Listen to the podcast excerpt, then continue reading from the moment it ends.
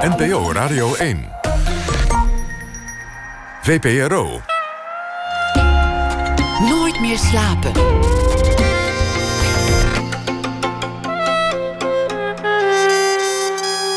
Met Pieter van der Wielen.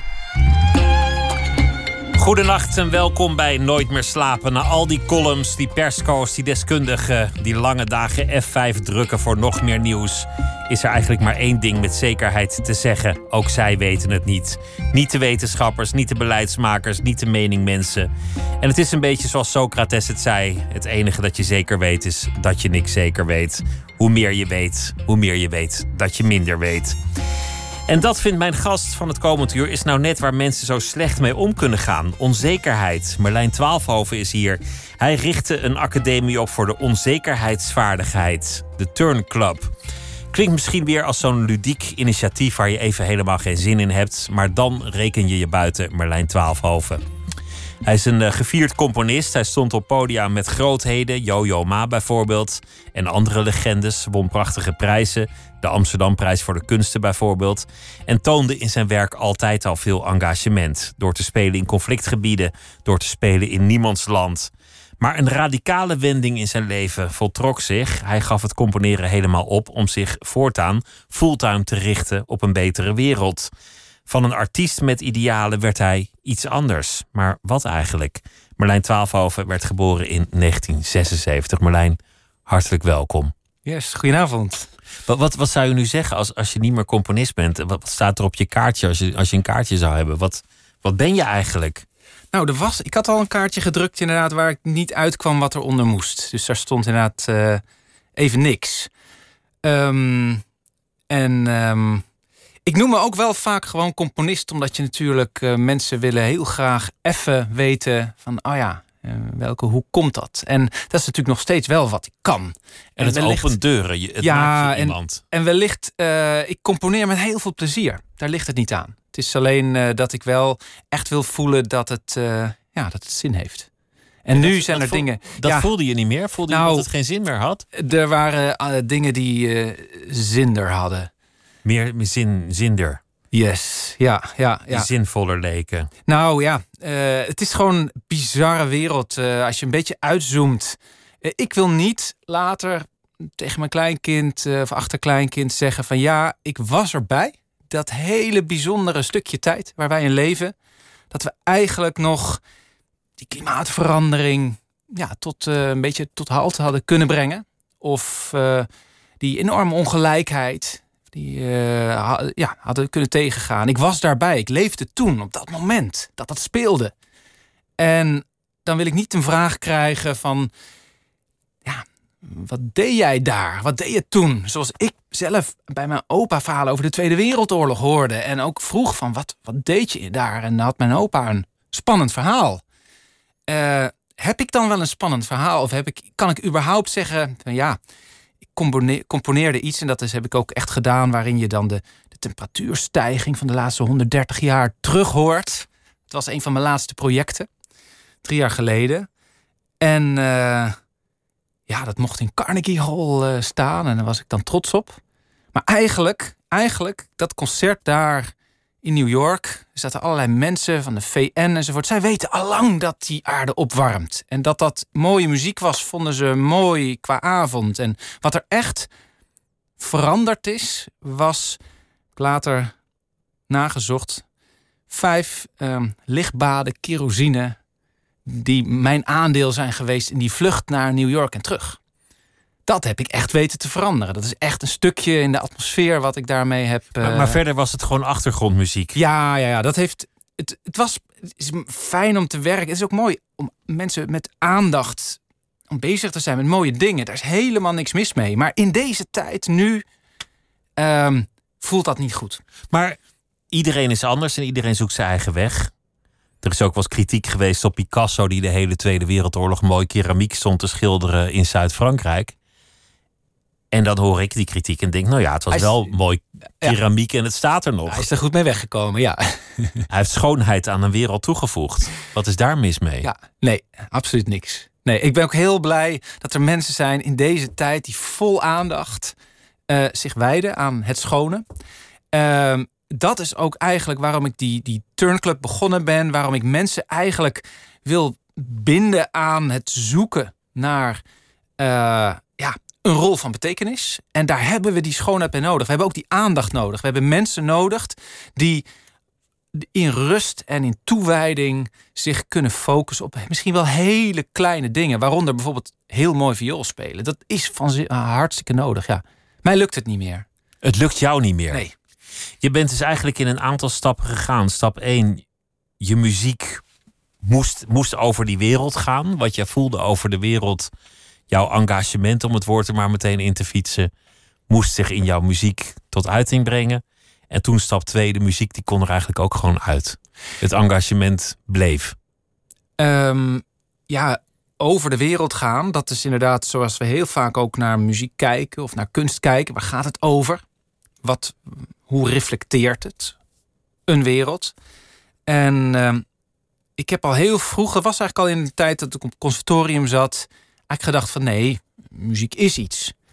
Uh, raar eigenlijk dat we het kunst noemen. Waarom noemen we het niet echt? Gewoon met een hoofdletter. Uh, kunnen we dat niet ervaren? Het muziek wat wat is, uh, wat het, dat het een ervaring is. En zo ja, bracht ik vaak allerlei mensen samen op, ja, eigenlijk een soort ontmoetingen waren het. Muziek dus kunst moest een niet een venster zijn op de wereld. Muziek is de wereld. Nou, exact. Het is, het is een manier om die wereld te ervaren. En uh, um, net als je met in een, in, in, een, gedicht ook de wereld ervaart. Het is niet uh, ineens iets anders. Het is alleen een hele een andere vorm die, waar je toegang toe krijgt. Of een andere. Nou ja, zo, zoals muziek. Het is de wereld. Um, en uh, om dan natuurlijk komt gewoon de grote vraag van oké, is dat een wereld die ik wil? Kan ik ook een andere wereld maken misschien? Kunnen we mensen meenemen? En ik merk, kan je de wereld verbeteren met nou ja, muziek? En ik merkte vaak in muziekprojecten, dat zat dan vol, inderdaad vol idealen, wat hartstikke mooi. Um, maar heel vaak zijn het mensen uh, die bijvoorbeeld het al hartstikke goed hebben en al heel veel naar concerten gaan en die, die komen en um, terwijl ik zoveel mensen ook miste in die concertzalen en zoveel mensen miste en in mijn projecten voel ik me vaak zo machteloos omdat er zoveel mensen zijn die, niet die, die ik niet die ervaring kon bieden. Dus dat was ook wel deel van een soort enorme zoektocht naar van oké. Okay, waarom je de wereld inging, waarom je naar conflictgebieden, vluchtelingenkampen, ga maar doorging, waarom je in niemands land ging staan, waar, waarom je mu niet muzici jouw composities liet uitvoeren, zodat degene over wie het ging zelf op het podium klanken voortbrachten. Ga zo maar door. Yes. Het ging eigenlijk over Yes. die worsteling.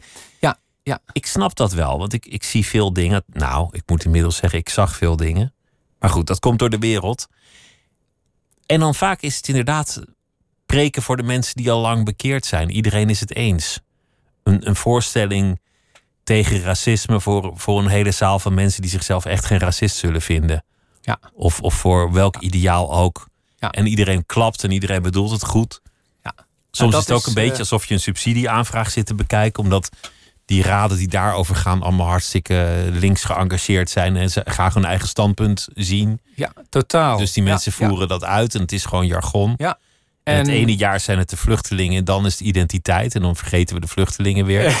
en dan volgend jaar klimaat. Ja, kijk, er is, weet je, ehm, kunst is research and development. En ook zoals in een, ehm, eh, maar dan van de samenleving. En zoals in een bedrijf natuurlijk ook de onderzoek wordt gedaan. En daar wellicht dingen gebeuren die nooit uiteindelijk in de winkel komen. Maar daar wel worden geëxperimenteerd. Zo is het ook van hartstikke nodig dat er kunstenaars in die concertzalen of in die plekken aan het werk zijn om gewoon die vraag te stellen. Gewoon een vraag over geluid of over, ja, muzikale nieuwe vormen, ontmoetingen enzovoort. Dus laat dat gebeuren. Want ik eh, heb daar altijd ongelooflijk veel, eh, veel voeding van gekregen. En veel, eh, veel ideeën van gekregen.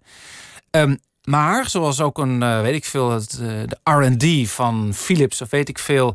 Uiteindelijk, wat er die samenleving in gaat, wat er in die winkels ligt, of wat er in die ziekenhuizen voor apparatuur op een gegeven moment wordt toegepast, dat bepaalt de wereld. En ik heb dus ook wel echt het idee van er is een deel van het onderzoek wat op een gegeven moment klaar is om die wereld in te gaan. Want voor jou was muziek een onderzoek over de wereld. En jouw idealisme is nu rijp om gewoon toegepast te worden. Yes, yes, er moet iets gebeuren. Er moet iets veranderen. We moeten, uh, ja, uh, we moeten aan de slag. En het is niet meer uh, de tijd, in ieder geval voor mij, om ja, gewoon te denken en te spelen en na te denken over wat er zou kunnen gebeuren. Maar je hebt jezelf daarmee van je wapens beroofd. Je hebt je, hebt je eigen tong uitgerukt. Datgene waarmee jij tot de wereld kon spreken, waardoor de wereld naar jou wilde luisteren, je muziek, heb je losgelaten. Um, dat klopt. Ja. Ja, ik ben ook zelden meer op de radio. dus het is heel bijzonder. Nou, misschien eigenlijk wel, dat is wel grappig. Ik, dat wil ik even misschien aan jou vragen. Zonder zo'n enorme crisis die we meemaken, samenleving, had ik ook nu denk ik niet hier gezeten. Want vermoedelijk niet. Ja, misschien als er een, een gebeurtenis was. Precies, kunst het draaide, en dat weet ik ook, uh, om premières, om prijzen of om sterfgevallen. En soms wel, als je het heel goed doet, als je 100 jaar dood bent, dan word je ook. Komt maar dat, dat, dat, is maar weinige gegeven. Ja, precies. Dus kunst gaat ook over dat soort momenten, want dan kan het in de krant. Uh, een boek wordt gepubliceerd of uh, zoiets. En op het moment dat je niet meer zegt kunst is een product. Nee, maar kunst is een mindset. Kunst is een manier van kijken. En dat zit natuurlijk heel erg in die, in die, in die zoektocht. Kunnen wij de, de kunstenaars mindset eigenlijk aanwakkeren in iedereen? Dat is eigenlijk het doel. Dat is ook die turn waar de turnclub naar zoekt. Van de, de kunstenaar aanzetten. Bij, bij heel veel mensen. En niet dus eh, dat idee van kunst eh, confisceren uh, claimen en zeggen: Ik ben een professional, laat dat maar aan mij over. Want dat is een vreselijk misverstand. Um, vandaar heb je eigenlijk, als je dus niet meer in die producten investeert, niet meer een mooie, weet ik veel, een, nou, eh, of een prijs of zoiets, niet dat soort incidenten meer hebt, ja, is het dan nog nieuws? Kan het nog in de krant? ik, vind, ik vind het een mooie gedachte. Ik vind ook de, de beeldspraak van een research and development afdeling zo mooi omdat ik wel eens het idee heb dat heel veel bedrijven die nauwelijks nog hebben. Dat heel veel bedrijven jagen op snelle winst en korte termijn. En veel minder bezig zijn met lange termijn en, en uitvinden en ontwikkelen. En wij als samenleving al helemaal niet. Nee. nee, we hebben nog wat universiteiten gelukkig. Daar gebeurt natuurlijk heel veel. We maar die, die hebben ook de hete adem van de economie wel in de, in de nek gekregen. Ja, dat is absurd. Terwijl juist die grote innovatie, we kennen allemaal de voorbeelden van het internet en zelfs de, al die eh, aspecten van de iPhone, dat het allemaal in universiteiten, in uh, ja, overheidsgefinancierde omgevingen tot stand is gekomen. Uiteindelijk door bedrijven vermarkt is. En dat, uh, dat, dat speelt natuurlijk. Dus is best wel. Uh, complex en misschien ook hoe het veranderd is. Dat het voor bedrijven uh, dat ze uh, het eigenlijk heel slim vinden om weinig research en development te doen. Maar toch, en nu weet ik niet precies het cijfer, het is gewoon heel normaal om 5% van ja, je kosten aan uh, research en development te besteden. Dat is gewoon heel vanzelfsprekend. Maar doen wij dat ook als, als, als samenleving? Want je zegt de blik van de kunstenaar. Een kunstenaar gaat om met onzekerheid, met, met het combineren van het ongerijmde, met creativiteit. Die wil je overbrengen op gewone mensen, op beleidsmakers, maar ook op, op burgers of wat dan ook.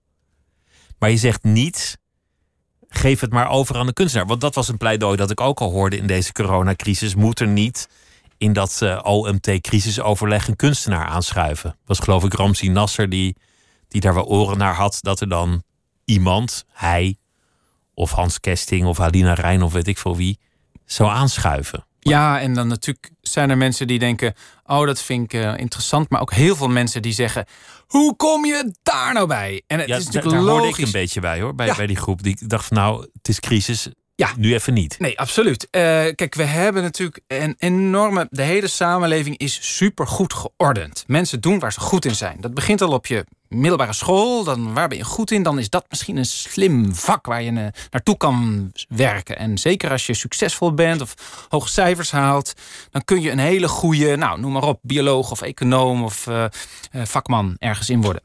Um, dat is natuurlijk hoe wij de hele wereld zijn gaan zien. Als uh, toegepast. Alles heeft een rol, alles heeft een functie en succes wordt bepaald bij ja, het feit dat je dingen heel goed kan. Terwijl uh, er zit natuurlijk ook een hele andere zaak, uh, een andere kant. En dat is, wat is een waardevol leven? En dat geldt natuurlijk voor een individu, maar ook voor een samenleving. En om bepaalde waarden, en dan bijvoorbeeld het zien van schoonheid in het alledaagse, dat is wat, ja, wat je zou kunnen zeggen als dat een kunstenaarsblik. Betekent nog los gezien van of die kunstenaar bijvoorbeeld heel mooi kan schilderen. Het feit dat hij of zij door de wereld loopt en stilstaat en denkt: Oh, dat is treffend, mooi of bijzonder. En dat kan gewoon een boom of een stoeptegel zijn. Nou, die blik, dat is een vorm van het, het kunnen zien van schoonheid in het alledaagse leven. En dat vermogen, um, dat betekent ook, uh, dat hoort ook bij een waardevol leven hebben. Dat je schoonheid ziet in wat er is. En dat je, net als spelen, het vermogen om te spelen. Dingen om te mogen falen, om te mogen mislukken. Dat wat kunstenaars eindeloos doen en kunnen. Die, die spelen, die gaan op hun bek, die staan weer op, die, die, die dagen het materiaal of elkaar uit. Um, dat is ook een vaardigheid. En dan vervolgens de verbeeldingskracht. Het feit dat dingen die je niet kunt weten, dat je die toch al mag bedenken. Dus eigenlijk zeg jij, wij zijn de experts in dingen waar je helemaal geen expert in kunt zijn. Wij zijn de deskundigen. Precies. Ja. In dingen waar niemand deskundig kan nou, zijn. Exact. En is die mindset niet hartstikke hard nodig op een moment dat je met superveel onzekerheid te maken heeft, hebt? En dan zal echt die kunstenaar heus niet beter kunnen voorspellen wat die toekomst kan brengen. Maar we kunnen misschien wel kijken van kunnen we al aspecten van zo'n toekomst ervaren? En kan dat misschien in een theater of in een muziekstuk of op een andere manier kunnen daar ervaringen van zijn waarin we eigenlijk al kunnen proeven aan, ja, aan, het onbekende. Want laten we het hebben over, over, deze, over dit moment. Dit bevroren moment waar we, waar we nu heel even staan. De toekomst is begonnen. De toekomst is altijd begonnen, maar nu voel je het iets meer dan anders. Ja, normaal het is wel duidelijk dat, er, dat er iets heel erg veranderd is. Ja, we worden er normaal ingeluisterd. Dan denk je ineens, vrek. Dit, er is iets veranderd. Terwijl het ging zo geleidelijk, want het was gewoon elke dag was er weer een nieuwe dag. En ineens was het de toekomst. Terwijl, althans zo ervaar je het natuurlijk nooit. Terwijl ik heb nu het gevoel van, hé, hey, is dit al de toekomst?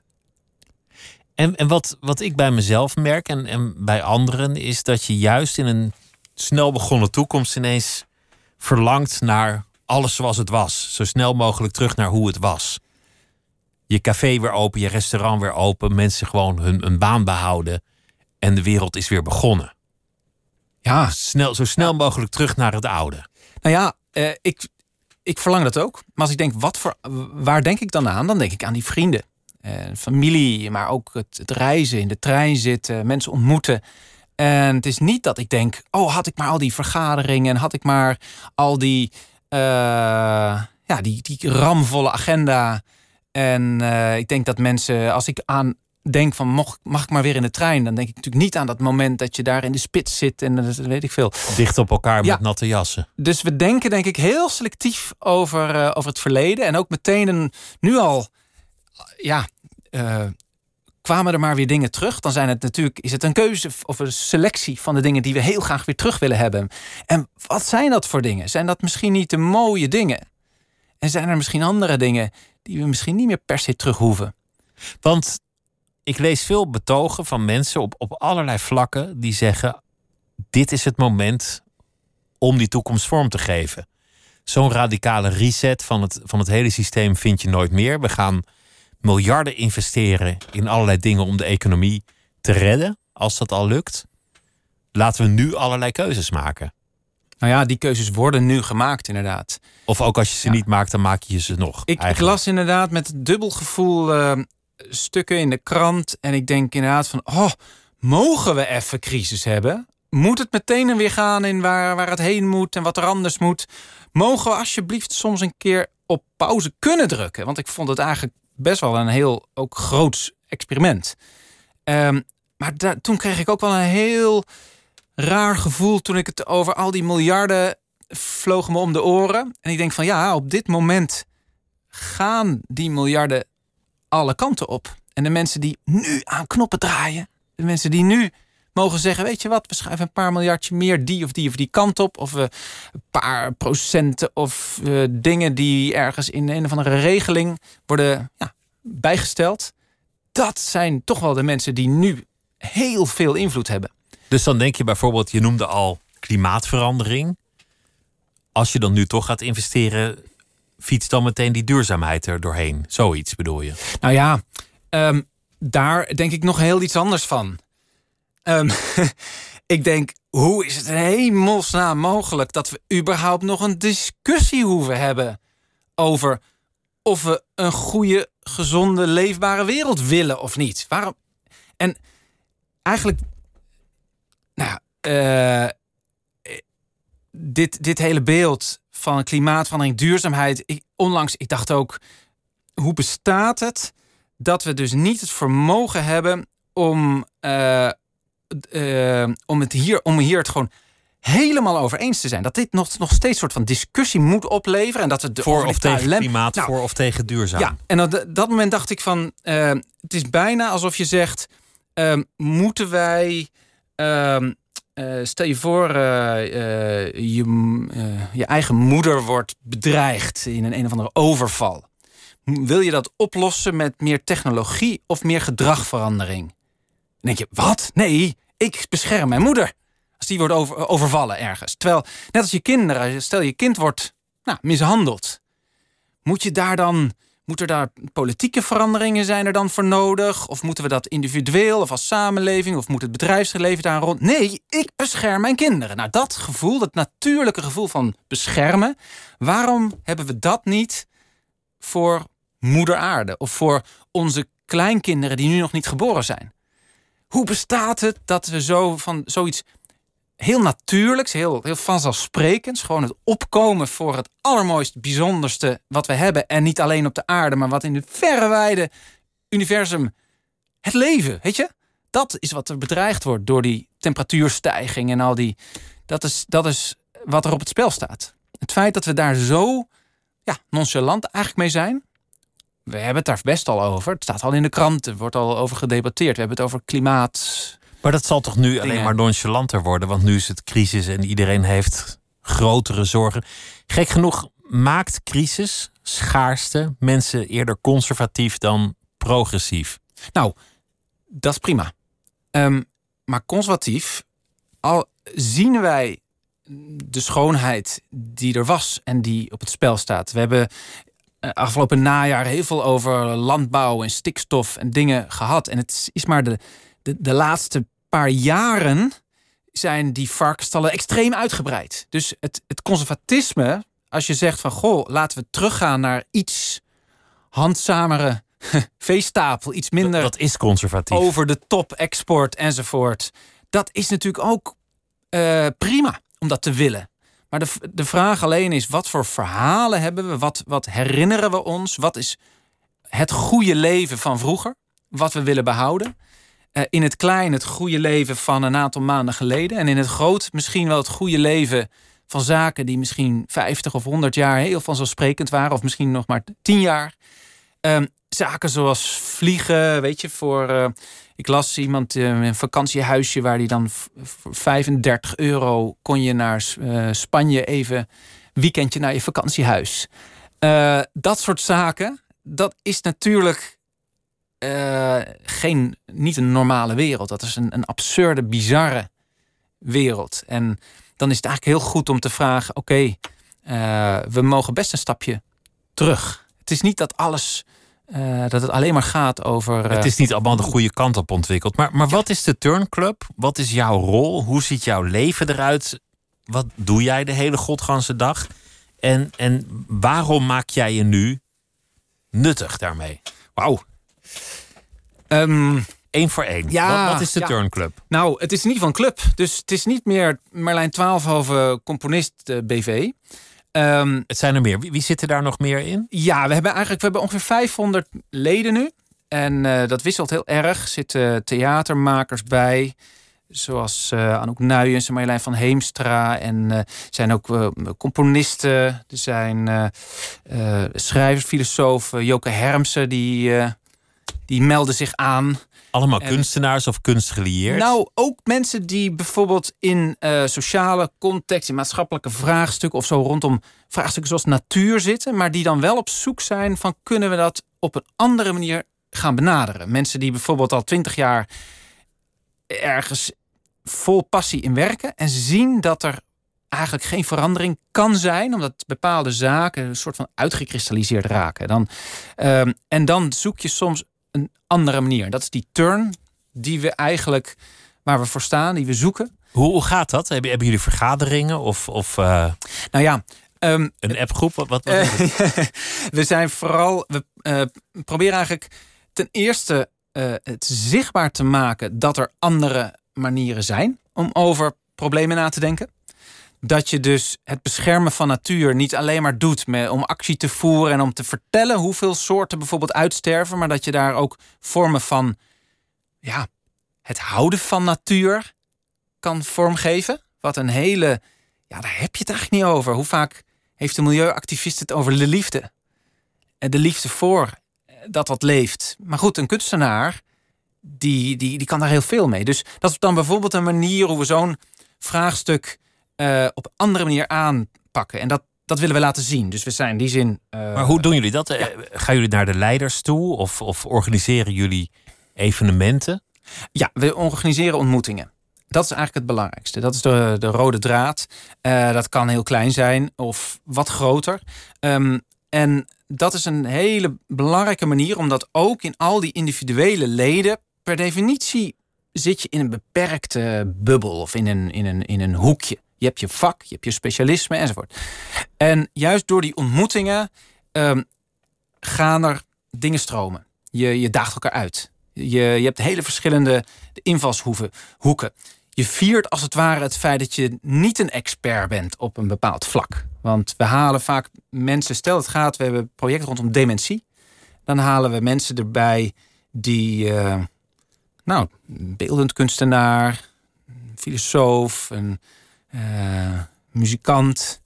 En, maar ook een psycholoog en mensen die juist heel veel ervaring hebben met het vraagstuk. Nou, dat soort ontmoetingen ontstaan vaak ja, experimenten. Dus daar heb je speelruimte voor nodig. Dus dan heb je toch weer dat eh, laboratorium wat we dan bouwen. Maar dat laboratorium, eh, dat openen we ook. En we proberen juist bijvoorbeeld ook mensen... Het moet dus niet een, een kunstenaarsatelier worden. Want juist mensen die vanuit eh, bijvoorbeeld eh, een zorgcontext... of een ervaring, mensen die zelf een mantelzorger zijn... die worden ook betrokken in het laboratorium. Die dagen elkaar uit. Want, want dat is eigenlijk het gekke aan expertise. We, we hebben onnoemelijk veel epidemiologen en virologen gehoord.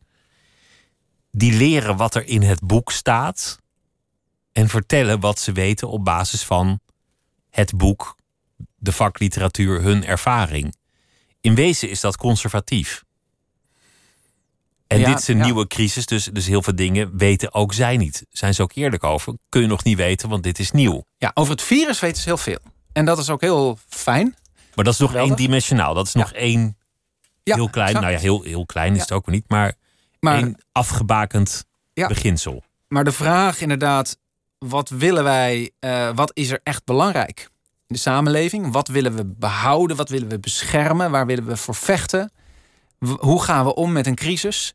Wie gaat er voor als er keuzes moeten worden gemaakt? Die vragen, daar, eh, als je alles van een virus weet, weet je daar misschien weer geen antwoord op. Dus dat is natuurlijk ook weer dat, dat pleidooi voor eh, echt ja, de, verschillende eh, facetten, verschillende mindsets die je samenbrengt. Om het over hele grote vragen te hebben. En als je vraagt dat, wat doet de Turnclub? Advies van anderen is kies altijd gewoon kies één vraagstuk. Terwijl wij eh, doen eigenlijk alle vraagstukken. Want juist het feit dat we soms ergens helemaal niks van weten. En dementie gaf ik als voorbeeld. Ehm, we hebben het ook rondom landbouw en rondom het voorzien eh, in voedsel. Ehm, daar verbinden we juist dus de experts die heel veel weten aan de mensen die juist heel weinig weten. En die met een ongelooflijke eh, veel vragen, veel scherpe vragen en veel nieuwsgierigheid, maar ook met een hele scherpe blik ehm, in zo'n ontmoeting, in zo'n proces, eh, ja, eh, daarin stappen. Heb je nu wel het idee dat het effect heeft. Want je zei, ik had een prachtig stuk gemaakt waarin je de temperatuurstijging kon voelen en ervaren. Ik stond in Carnegie Hall met dat stuk. En er waren tal van hele belangrijke mensen tot de VN aan toe aanwezig. En aan het eind dacht je, ik heb gewoon entertainment geleverd. Er is niets veranderd behalve twee lichtbaden kerosine. Yes, ja, vijf geloof ik. Ja. Vijf, nou ja. Hoe, hoe is dat nu? Heb, heb je nu het idee dat, dat je effect sorteert? Ja, ja, ja. En dat is soms effect. eh, en dat is ook zo mooi aan die, die aandacht. Dat kan heel erg gaan over bij, dat het bij één persoon ergens iets gebeurt wat helemaal verandert. Zoals er bijvoorbeeld met mensen m, eh, die zelf dementie hebben eh, aan het werk zijn gegaan.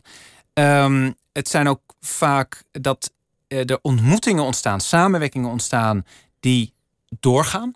Van mensen die elkaar echt vinden, die echt met elkaar aan de slag gaan. Eh, van mensen die elkaar in een andere situatie nooit hadden ontmoet. Omdat het heel erg onlogische combi's op het eerste gezicht eh, zijn. Dus die samenwerking, uit die samenwerkingen ontstaan echt hele, ja, hele nieuwe dingen. Ehm, en wat voor ons ook heel belangrijk is, die 500 eh, leden, dat zijn allemaal zelfstandigen. En als je zelfstandig bent en je moet je eigen je website en je klanten, je opdrachten, je eh, weet ik veel, voor je het weet word je helemaal gek van dat ZZP-bestaan. En het feit dat wij ehm, samen een netwerk vormen en dus ook vragen kunnen stellen aan elkaar, elkaar kunnen helpen en elkaar kunnen eh, verbinden weer aan mensen die wij kennen, dat is goud waard.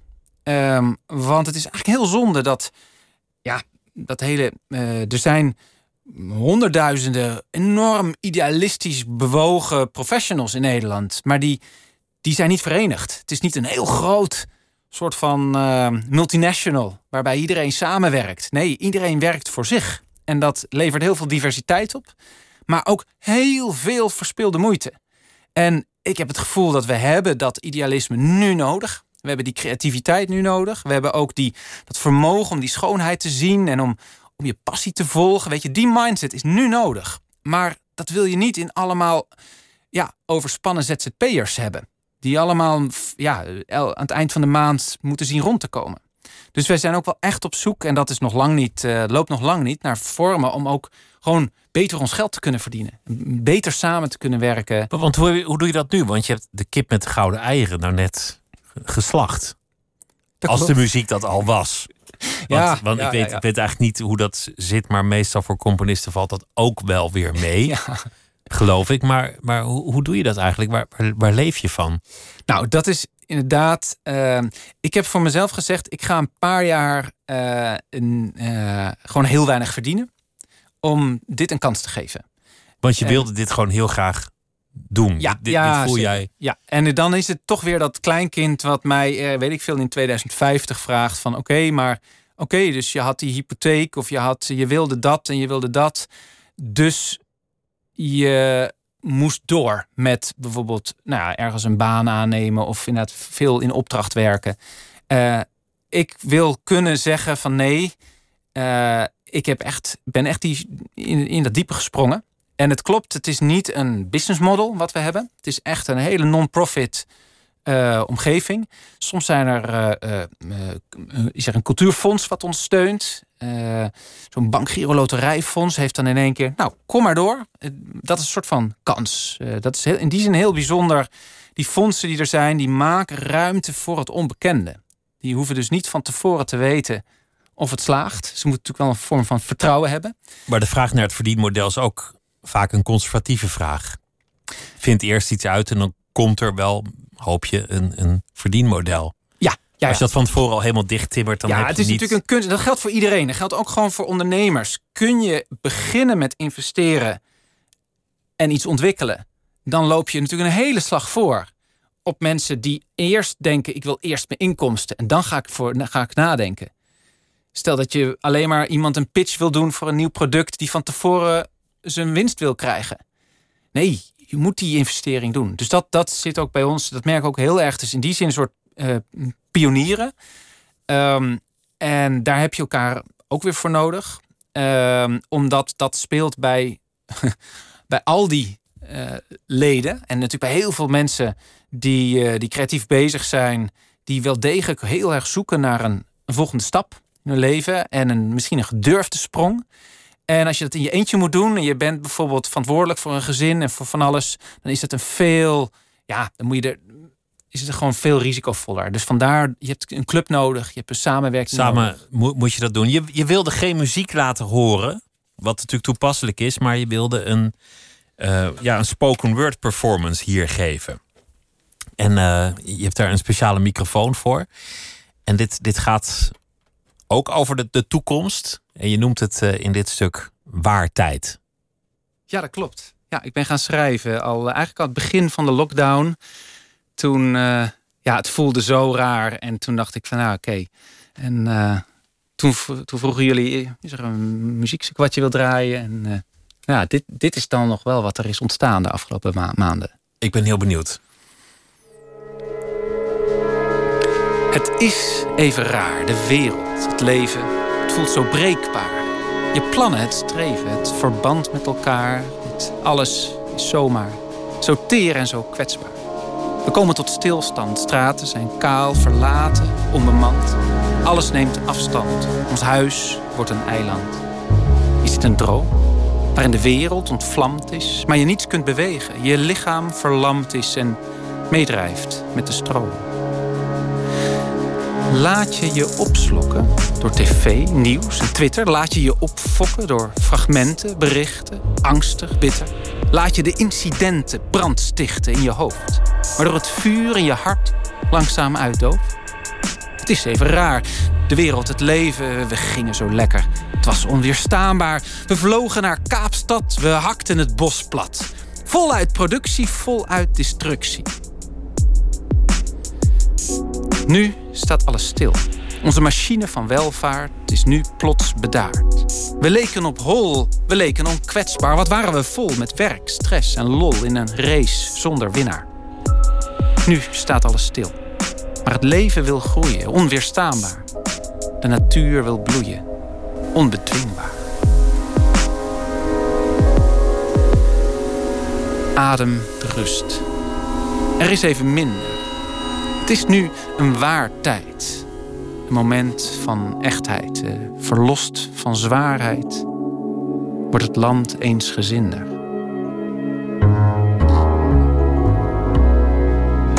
Waar kunnen we heen? Online, maar ontbonden. Ons hoofd verdoofd, gespannen en versnipperd. Waar kunnen we heen? Onze routines geschonden. Onze plannen geroofd en heen en weer geflipperd. Wat kunnen we geven aan aandacht en waarde? Wat is een goed leven hier, samen, op aarde?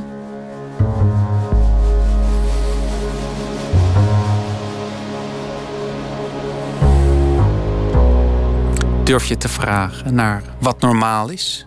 Gaat het je dagen wat ons ideaal is? Durf je te dromen? Waar moet je beginnen? Laat je je intomen? Houd je het binnen? Massaal zijn we eenzaam. Onze droom wordt een miskraam. Waar is je faalkracht als je naar iets nieuws smacht? Als je kwaad wacht op die nieuwe macht die met daadkracht ons een goede wereld bracht? Het is nu een waar tijd.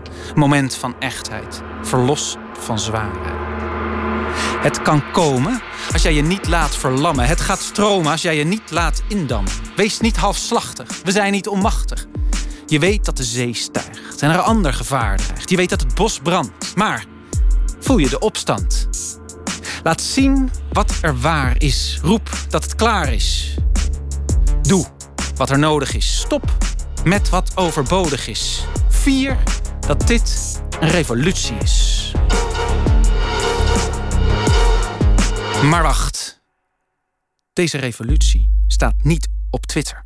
Deze revolutie kun je niet liken. Deze revolutie heeft geen webcam, geen retouchering, geen bewerking. Deze revolutie is niet verzekerd. Heeft geen garantie, geen korting, geen bundel. Deze revolutie komt niet vrijblijvend op zicht en kan niet meer retour. Deze revolutie kent geen regulering, geen convenant, geen schikking, geen overeenkomst of akkoord. Deze revolutie heeft geen alliantie, geen associatie of verdrag. Het zit van binnen. Het kijkt je aan, het je vast Laat je raken. Open je ogen.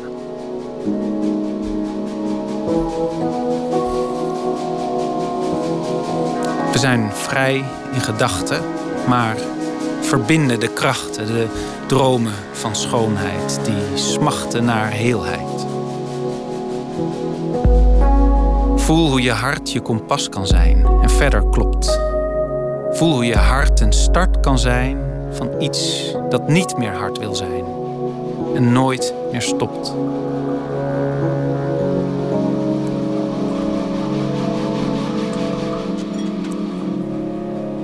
Marlijn Twaalfhoven hier in de studio Waar Tijd. Dit was een uh, spoken word performance over uh, de tijd waarin wij nu leven.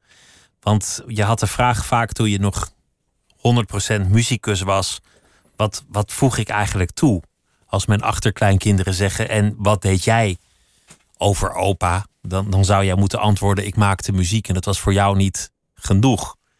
En dat is voor iedereen anders. Ik bedoel, ik zou zeggen: Duke Ellington heeft meer moois in de wereld gebracht dan menig IC-arts. Op termijn denkend. Maar dit past in jouw biografie. En wat ik me van ons vorige gesprek herinner, eigenlijk als kind al. Dat je, dat je als kind al geïnteresseerd was in muziek, maar ook enorm begaan met de wereld en, en het redden daarvan of het verbeteren daarvan. Ja, ik vond laatst een plakboek met allerlei knipsels uit uh, het tijdschrift uh, over de Greenpeace-acties. Weet je, de, de walvissen en de zeehonden. Maar ja, dat was een tijd. Gevaar had toen een heel helder gezicht. Je had die grote pijpen bij Delfzijl met afvalwater die de Waddenzee instroomde. Je had uh, de, de, de walvisvaarders die die fantastische beesten met harpoenen gingen pakken. Je had heel duidelijk de bad guys en de good guys. En Greenpeace die kon dat tegenhouden. Je kon daar met een bootje voorgaan. Dan kon je zo'n harpoen ja, tegenhouden ze hadden ook wel een goed gevoel voor beeldvorming. Ja. Dan, zag je, dan zag je vaten van boten rollen de zee in. En dan zo'n rubberbootje eronder. Ja, precies. En wankelend onder dat gewicht. Het rare is, hoe is dat nu?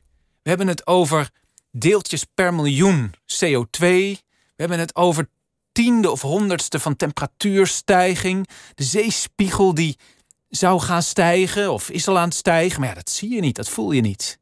Dus er, er mist een totale relatie met het kwaad. Het kwaad zijn we zelf. Het nou kwaad zijn onze vliegvakanties, ons, ons heerlijke biefstukje. Het kwaad, dat zijn, dat zijn we gewoon hartstikke zelf. In ja, de spiegel dat is een probleem. Ja, dan heb je een probleem als je dat zelf bent. En hoe doe je dat? Want uh, er zijn natuurlijk verhalen door, door eeuwen heen van mensen die gingen ja, draken vechten.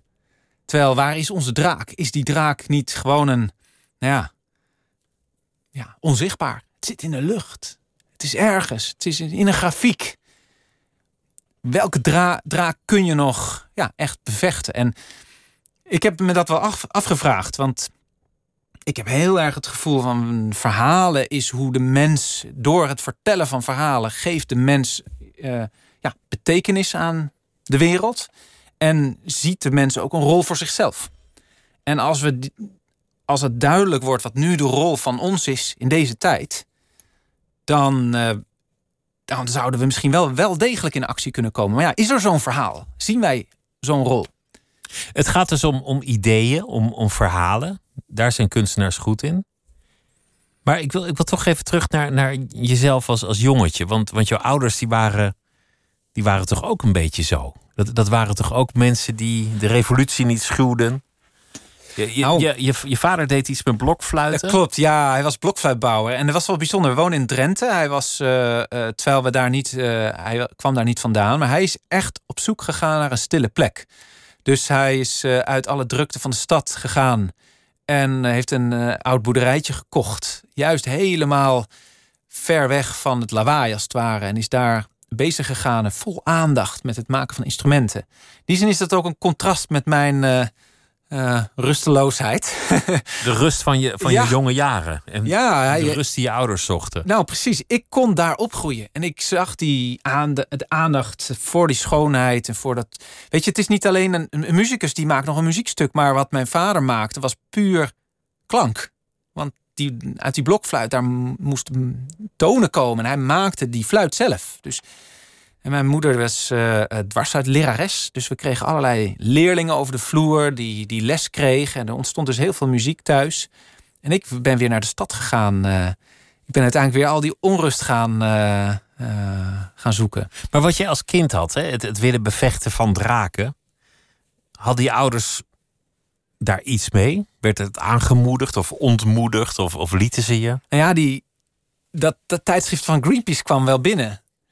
En eh, ik weet wel dat mijn vader wel gemengde gevoelens voor had. hij was dan wel eh, ja, een donateur. Maar het feit dat eh, toen ik acht of negen was, dat ik dat hele krantje aan het doorspitten was, was natuurlijk ook wel. Het was wel ook heel eh, Kun je heel, heel treurig van worden, natuurlijk. Als je ziet wat mensen zeehonden doen, aandoen. Weet je, die, die jonge zeehonden die werden geslacht voor, voor, om bondmantels van te maken. En dan met een knuppel, want je wilde geen bloed op die bondmantel krijgen. Dat was zo vreed. Dat verhaal. En dan zo'n witte poolvlakte waar dan zo'n enorm bloedspoor is. eh, want die moeder die niet meer die mooie vacht had, die werd wel doodgeschoten. En die probeerde dan nog achter die baby aan te gaan. Nou, dat, die verhalen. En dan als jongetje, ja, toen dacht, eh, hebben mijn ouders wel eens gedacht... moeten we hem ergens beschermen tegen dat soort grootse... eh, ja, dat grote verdriet. En dat heeft je nooit verlaten. Want, want heel veel kinderen zijn heel begaan met de wereld en, en het goede en het kwade. Maar Nou- veel, veel mensen verliezen dat met de jaren. Of die, die gaan de grijze tinten zien. Of die, die stompen af. Of ze geloven er gewoon niet meer Ja, zo wat heel bij mij in. gebeurde. Ik, toen ik een jaar of twaalf was, ging ik op een gegeven moment de jeugdbond voor natuurstudie. Eh, we gingen eh, het bos in eh, om te kijken wat er leeft. Dus om vo- vogels te zien, vlinders of zelfs zweefvliegen te vangen. En dat gaf een hele andere focus. Het ging dus, de focus was niet meer om wat er allemaal stuk gaat, maar over eigenlijk de schoonheid van de natuur. En wat daar toen gebeurde, de, ja, gewoon de nieuwsgierigheid voor alles wat leeft en wat groeit. Eh, dat is eigenlijk ook misschien wel wat ik me nu echt ook probeer te herinneren. Kunnen we dat aanwakkeren? Want we hadden het net over draken. En in die verhalen, zoals ik het net zei... het is niet zomaar dat mensen opstaan om een draak te gaan vechten. Er moet altijd iets zijn wat ze intens lief hebben... wat op het spel staat. Er moet een prinses gejat worden door die draak. Of er moet ja, een soort van giftige modder, dat land vergiftigen, waardoor iedereen sterft. En dan zegt iemand, die draak moet dood. En ik geloof ook dat als wij zien wat er op het spel staat, als wij die schoonheid kunnen zien van de natuur, van het leven, van, maar ook van de samenleving, van mensen onderling. Als we dat, ja, als we dat vermogen hebben, dan kunnen we ook opstaan. Kunnen we ook de moed vergaren om te zeggen, we, we gaan die, die draak aanpakken. We gaan, Want, want veel, veel dingen die verdwijnen zie je niet. Je ziet geen poolkappen in je dagelijks leven. Je ziet geen ijsberen. Dat is misschien deel van het probleem. het is abstract. Het is onzichtbaar. Ja, dat klopt. En ehm, dan moet je ook kijken van wat zijn er. eh, moeten wij vormen vinden waarin we dus niet eh, meteen iets kunnen zien? En ik moet even denken aan een heel maf voorbeeld eh, van iemand die zei: als je naar de sportschool gaat, je kijkt in de spiegel na een half uurtje, ja, je ziet niks. Ga over twee dagen nog een keer. Je ziet niks. Pas als het deel wordt van wie je bent, dus als het deel is van je routine, van je dagelijkse of je wekelijkse praktijk, dan ga je het verschil zien. Zo werkt het met gezond eten, zo werkt het met bepaalde slechte gewoontes die je moet je niet een keer overslaan. Nee, je moet ze ermee stoppen. Kunnen wij in plaats van goed doen, kunnen wij goed zijn? En wat is daarvoor nodig? En dan ontstaat er heel iets anders. Want ik heb heel erg het idee als het in, over, in het nieuws of weet ik veel gaat over klimaatmaatregelen of wat dan ook. Wat moet de regering doen? Of wat moet het bedrijfsleven doen? Wat moet de burger doen? En niemand zegt wat moeten wij zijn? Of wat zouden we willen zijn? En die vraag om aan een samenleving te stellen: wat ben jij? of wat wil jij zijn? Ja, die vraag is eigenlijk nu gesteld de afgelopen twee maanden. Dat is waar voor jou deze crisis over gaat. Nou, ik ben enorm verrast door het antwoord. Wij zijn, nou, zorgzaam. We zijn, nou, we hebben echt een eh, eh, heel veel ja, wil en, en, en er zit heel veel goeds in, in ons. En we zijn ook best wel heel gaaf samen. Weet je, de samenhang, de dingen die, die. Er is heel veel betekenis in het feit dat wij samen Nederland zijn als Veel samenleving. solidariteit is Nou, er. Ik had dat totaal niet aanzien komen. Ik dacht, we zijn gewoon een heleboel opgefokte types die allemaal, nou ja, heel veel bedrijven, heel veel succes. Ik ben ooit een keer tournee naar Dubai geweest. kwam ik allemaal Nederlanders tegen, want half Dubai wordt door Nederlanders gerund. Nou, yo, dat, dat was mijn beeld van Nederland. En dan als je nog verder teruggaat, waren we slavenhandelaren en uh, specerijen en nou ja, noem maar op. Maar zijn wij dat? Of zijn dat natuurlijk de verhalen? Is dat de economie die zo enorm overheerst in het verhaal wat wij vertellen over wie wij als, als, als Nederland zijn? Zijn wij de KLM en Shell? Afgelopen maanden niet. Er was, ik zag een enquête waar 65.000 Nederlanders gevraagd Waar moeten we in investeren? Of wat is er belangrijk? Wat moeten we beschermen? En dat was de zorg, het onderwijs, ehm, ook het MKB. Niet die multinationals, nee, gewoon die bedrijven, de, de, kleine, gewoon de bedrijven waar je gewoon naartoe kan. Ehm, dat is een heel ander verhaal als ja, het Nederland wat ik dacht te kennen. Het is, het is grappig, want wat jij dus eigenlijk nu doet, is ideeën neerzetten en mensen met elkaar in aanraking brengen. Misschien ben je nog steeds wel een soort componist. Die maakt een partituur en, en brengt dan muzici bij elkaar en samen maken we dit concert. Ja, ja dit, is, dit gaat dan meer over ideeën zonder noten, zonder melodieën, zonder akkoorden. Maar in wezen heb je een soortgelijke ja. rol. Wat, wat, mij zo, wat mij zo aan jou fascineert, is dat je nergens voor terugdeinst maar ik ehm, zou bij al jouw eerdere plannen namelijk de, degene zijn geweest in het café die had gezegd: Zou je dat nou wel doen? Gaat het nou wel lukken? Gaat het je wel lukken om bij de Palestijnse gebieden mensen aan twee kanten van de muur te laten musiceren? Ik noem maar wat. Gaat het je wel lukken om het Turks-Cypriotische front van een dak met een orkest te voorzien? Kijk, ehm, waarom stop jij nooit? Hoe kan het dat, dat, er, dat er in jou kennelijk iets is dat, dat zich niet laat tegenhouden? die muziek mocht mislukken. En het, mislukte ook vaak. Ik bedoel, daar op die daken van Cyprus CNN kwam. Omdat er iets bijzonders gebeurde. En er ging van alles fout. Maar ja, er gebeurden ook dingen wel. En een deel van die dingen die had ik niet voorzien. Ehm, het feit dat het muziek was. En dat het dus niet een, weet ik veel, gewapende onderhandeling uh, is geweest. Um, maakte dat we daar op die toch die hele gespannen plek. Een soort van openheid konden vinden. En dat was ook letterlijk de ervaring van, een, van iemand in het, uh, in het publiek. Die was uh, gekomen, die, ja, er was een, een muziekstuk op die daken. Tussen, dus vlak bij die grens tussen het noorden en het zuiden van Cyprus. Maar er was ook op een gegeven moment stil. Het werd, werd stil. En dat was het moment dat mijn muziekstuk dus mislukte. Want iemand zou een prachtige solo maken dan. En die was het vergeten of ik had het niet goed inge, ingeseind. Maar in die stilte hoorde je de vogels, de omgeving, eigenlijk het echte leven.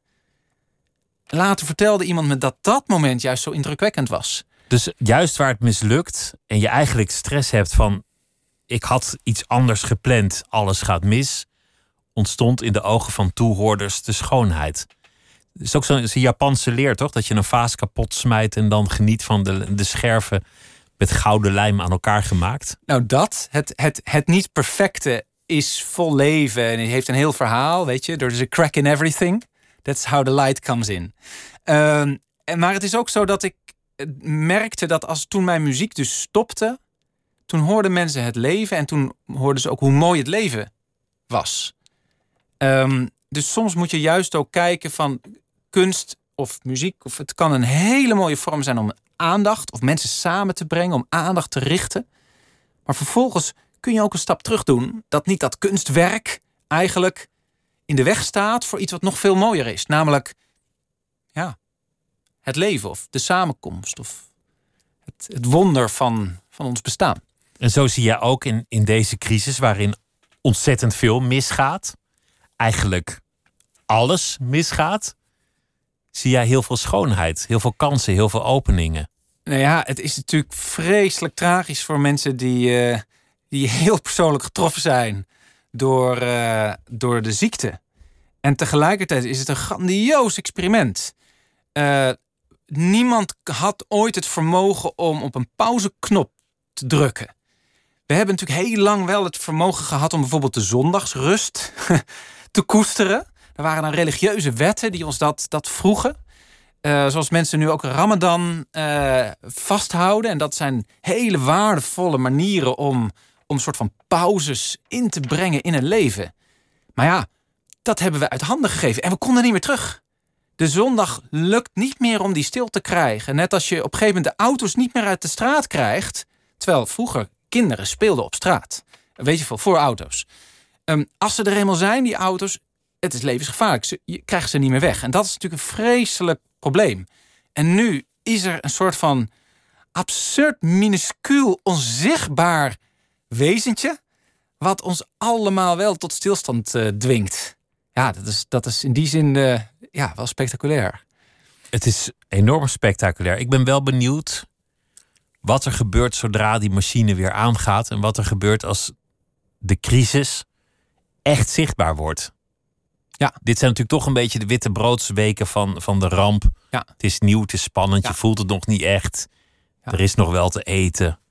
Ja, ik weet zeker, mensen gaan terug natuurlijk naar de zekerheden die ze hadden. Of, want als je heel veel inkomsten kwijt bent, of je bent misschien zelfs de. de ja, je maakt je zorgen of je je huis wel kan betalen enzovoort. Dan zul je natuurlijk, dat is een soort enorme schaarste die zich uh, ja, bezit van je neemt. Uh, zijn er dan ook de uh, paden voorhanden waarbij je welkom bent als je dingen minder doet, minder hoeft? Of is het mogelijk om te zeggen: ik ga niet alleen maar werken voor geld, maar ik neem ook een spoor in mijn leven waarin ik echt de waarde en de betekenis zoek?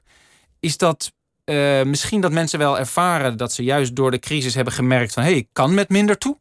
Of ik kan, misschien, mensen geven natuurlijk ook heel veel minder uit. Um, dus de, mijn vraag is, is het alleen maar dat spoor richting wat je al kende van vroeger, wat, wat er zichtbaar is? Of is er ook een alternatief zichtbaar? En om dat zichtbaar te maken, ja, dat is denk ik de enorme grote taak van kunstenaars, van creatieven, van mensen, van pioniers, van mensen. En het zichtbaar maken van het onbekende, dat, dat hoeft helemaal, dat mag dus ook fictie zijn. Dat mag totale waanzin zijn. Maar het feit, daarom is het zo gaaf dat er films zijn, dat er boeken zijn. Het feit dat we mogen dromen betekent ook dat die mogelijkheden er wel, ze bestaan wel. Ze Als je het kan fantaseren, kan het ook waarheid worden. Of het is al een beetje waarheid. Ja. ja. Marlijn, dank je wel dat je, dat je hier wilde zijn. En ik wens je heel veel uh, succes met het benutten van deze crisis. Marlijn Twaalfhoven. En uh, morgen dan is hier uh, Alain Caron, culinair schrijver en chef-kok. En we gaan het hebben over de horeca en de toekomst. En straks Tania Cross bij Miss Podcast. Goeienacht.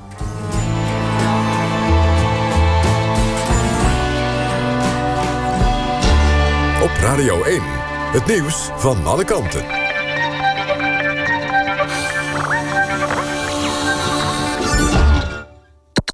NPO